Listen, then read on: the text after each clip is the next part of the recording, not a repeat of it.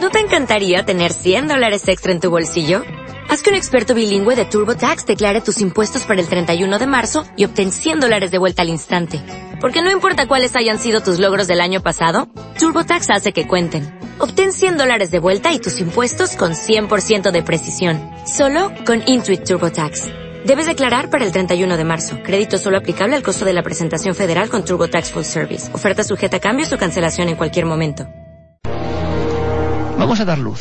Y vamos a hacerlo con un viejo amigo al que profeso una gran admiración, Javier Coria.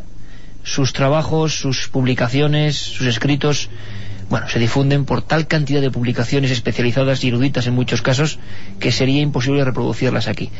Yo le tengo como, como gran fuente de información, ¿por qué no decirlo? Porque muchas veces un simple mail suyo, un documento, un dato, me ha conducido a aventuras apasionantes. Y siempre se guarda, más información, siempre contiene eh, sus archivos repletos. Es un placer tener amigos como este, que en una noche como la de hoy, a pesar de que el sonido, creo, por la conexión telefónica, no es idóneo, vamos a hacer todos un esfuerzo, porque Javier Coria ha investigado mucho en el oscuro Ramón y Cajal que nadie conoce. Os aseguro que va a ser maravilloso. Don Javier Coria, amigo, buenas noches. Buenas. Javier, eh, Ramón y Cajal, eh, desde luego, un personaje curiosísimo, mil veces referenciado, series sobre su vida, eh, trabajos importantísimos, premio Nobel... Y sin embargo, por lo menos es lo que se rumorea, y me, además me, me, confieso aquí, absoluto desconocedor, también se habla de un lado oscuro, de un lado de pasión por el misterio, de un lado de afición al espiritismo y no sé cuántas cosas más. ¿Mito o, o realidad? Pues realidad, realidad. Aunque en las biografías se suele obviar este, este bueno, esta temática o incluso se, se trata como, como una anécdota, pues sí, eh, hay, hay una serie de, de, informaciones que ha dejado él escritas y otras que se han perdido que nos hablan de, de una pasión, yo diría pasión de, de, de, Ramón y Cajal por estos temas. Podríamos empezar por ese Cajal esotérico, misterioso, espiritista, sí. mil cosas se han dicho. Eh, ¿qué, ¿qué, sabemos, de qué hay certezas? Tú que eres un hombre, Javier, que, que bueno, que, que, investigas, que indagas, que, que, sabes manejarte entre libros antiquísimos, eh, podemos empezar separando eh, grano y paja. La obra autobiográfica de, de Ramón y Cajal es bastante extensa, ¿no?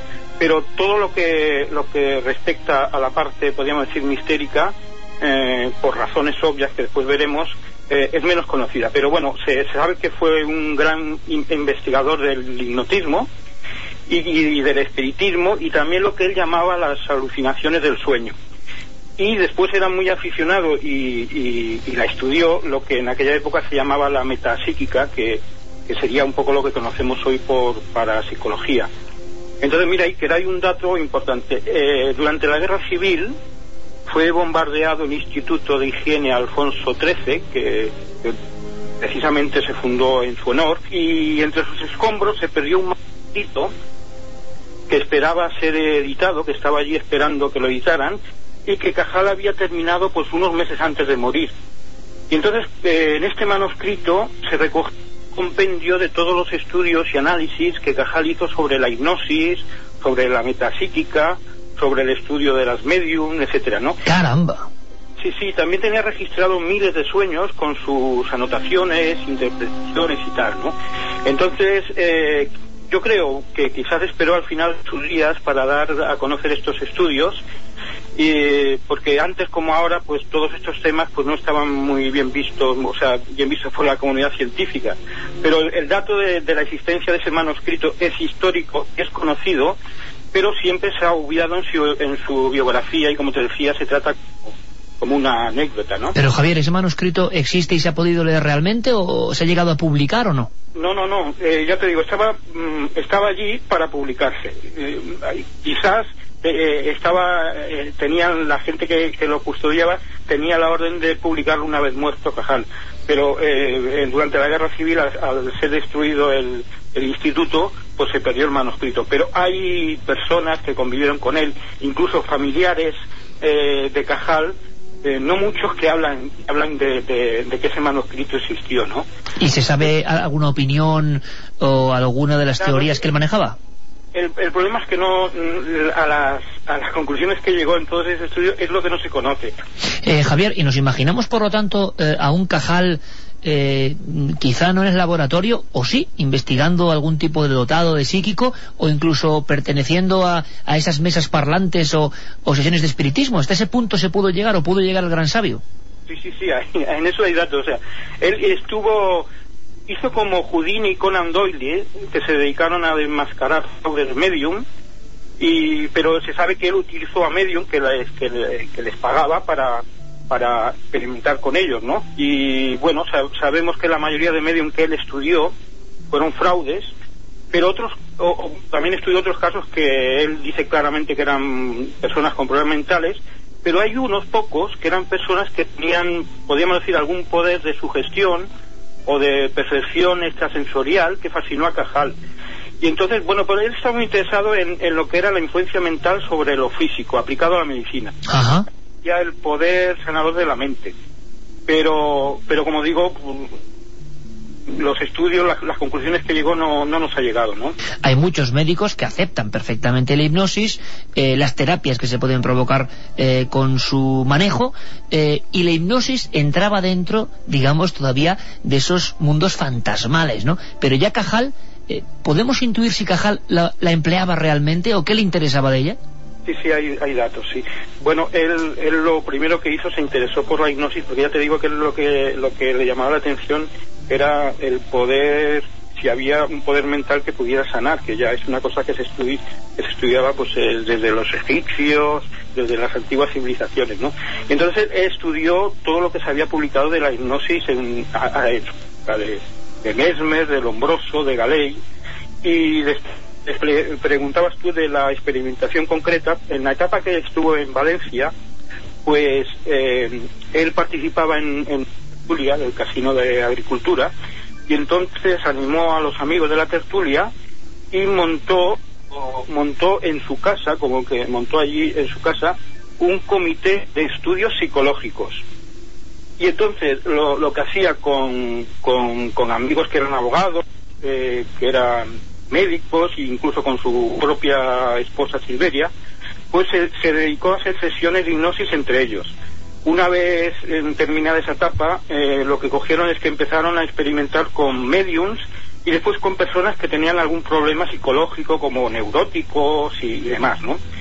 Eh, eh, pero lo curioso es que Cajal demostró que tenía una gran pericia como hipnotizador y que bueno y que mentalmente era una persona que influía benéficamente en los enfermos pues empezó a tener consultas y bueno, llegó un momento que ya que ya no podía atenderlo y lo tuvo que cerrar, pero estuvo un tiempo mmm, pasando consultas como hipnotizador. Y, y, bueno, después incluso cuando vino a Barcelona eh, tuvo la oportunidad de, de, volver a experimentar porque su mujer quedó embarazada y entonces eh, aplicó eh, la hipnosis a su mujer en, en, el parto. Bueno, en concretamente en sus dos últimos hijos, que fue Luis y Pilar, pues nacieron utilizando la hipnosis como anestesia. Y todo esto lo recogió Cajal en un estudio que a él, a él siempre le tuvo, le tuvo mucho cariño, pero no, no es muy conocido, que se, editó aquí en Barcelona, en la Gaceta Médica Catalana, en el, en el año 1889 creo, que se titulaba, te lo leo porque lo tengo aquí apuntado, se titulaba Dolores del parto consider considerablemente atenuados por la sugestión. Esto es muy curioso porque hace nada más siete años, o sea, en el año 2000, unos médicos norteamericanos eh, publicaron un, tra un, trabajo con gran difusión sobre la hipnosis como anestesia y, y mejoramiento de los posoperatorios, etcétera, ¿no? Y bueno, como es lógico, no nombraron a Cajal, que ya hacía esto en el siglo. De todas formas, a mí me sigue asombrando eh, los tentáculos informativos del amigo Javier Coria, que desde luego eh, maneja papeles y documentos que, que, no son para nada conocidos y desde luego son francamente apasionantes. Es más, a mí me gustaría, eh, Javier, comentar, si te parece, eh, la última arista misteriosa de este hombre, que, que qué bonito es comentar esto en la radio esta noche, porque mucha gente joven sabrá de Cajal pues por, por, no sé, por la línea básica que miran en el libro de estudios eh, y sin embargo hay un hombre que desde luego sin duda alguna desbordaba pasión ¿no? por su oficio, por el saber y como tú vienes definido eh, Javier, pues una especie de Leonardo porque también se interesó como muchos grandes genios ¿eh? desde el principio, por, eh, decías, la fotografía, imagino también la posibilidad de la imagen, ¿no? que era como un mundo completamente mágico y nuevo. Sí, eso es apasionante, ¿no? Porque eh, en la época que lo hizo, porque, bueno, quería decirte una anécdota, porque él de niño, él de niño eh, se ve que era un niño muy, muy revoltoso, yo casi diría que era casi un delincuente juvenil, ¿no?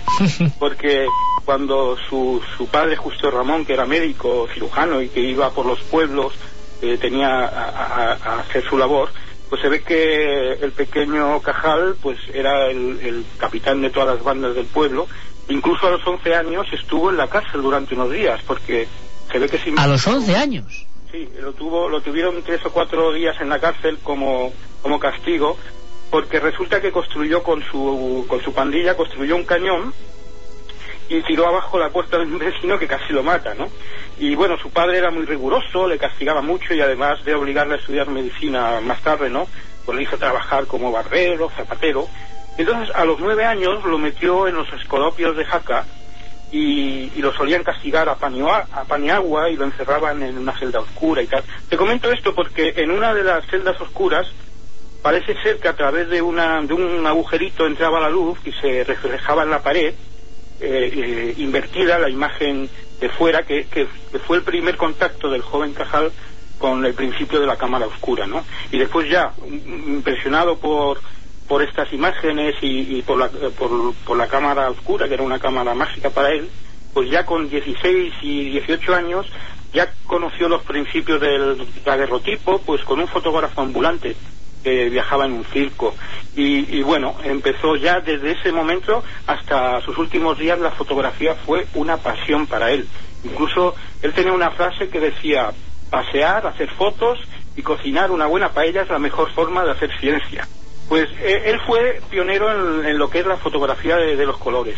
Y esto se, esto se sabe porque hay un libro que publicó él, que se llama La fotografía de los colores, precisamente, y cuyas primeras ediciones soy un, objeto de, coleccionista, ¿no? Y, ahí en ese libro también habla, habla pues, eh, la forma de, imprimir las fotos en color, o sea, que ya habla de las tramas tricomas, bueno, toda una serie de cosas que hoy nos parecen fáciles, pero claro, en aquella época era, eran casi mágicas, ¿no? Y también eh, utilizó el grabado, o sea, estudió lo que la, forma para, grabar fotos, ¿no? O sea, con el buril y el lápiz litográfico, él lo que realizaba eran foto, fotolitografías. Él tuvo un estudio abierto de fotografía en la calle del Prado, y fue, fue presidente de la Asociación Fotográfica de Madrid, y bueno, y escribía normalmente en las revistas de fotografía. Pero también fue eh, uno de los primeros que empezó a utilizar la fotografía estereoscópica, que sería un poco, que hoy podríamos llamar la fotografía en tres dimensiones. Entonces hacía tomas de los preparados histológicos que luego él proyectaba de una, eh, pues como si fuera una, eh, una, una diapositiva, proyectaba en sus conferencias. Y entonces, bueno, podemos decir que también fue uno de los que introdujo la microfotografía en España, ¿no? O sea, un genio de una dimensión mucho mayor eh, que la que habitualmente se muestra, eh, circunscribiéndolo solo a esos hallazgos puramente médicos de investigación, y nos muestran una figura quizá también mucho más humana, ¿no? Mucho más apasionada por el saber. La gran pregunta, Javier, es ¿por qué demonios eh, partes de las biografías expurgan ciertas cosas y, no sabemos eh, historias apasionantes que en ningún caso yo creo que perjudican, eh, vamos a decirlo así, eh, el criterio o incluso la fama o la seriedad de un personaje, ¿no? Que estuviera tan interesado por todo lo que rodeaba al hombre, creo que lo hace todavía mucho mejor, mucho más avanzado. pero es cierto que en las publicaciones básicas, lo que se refleja de Cajal, todo esto es casi casi, todo esto que nos cuentas tú esta noche, Javier, es casi casi, entre comillas por supuesto, un poco herético, ¿no? Sí, sí, sí, se pasa de, de soslayo porque hay, se, se, se, profundiza solo en la parte científica y tal, pero ya te digo, era un hombre de mundo, incluso, bueno, hay un montón de cosas que no hemos hablado de él, era gastrónomo, era un, bueno, un jugador de ajedrez que dejó de jugar porque ya ganaba todo el mundo, excursionista, gimnasta, etcétera.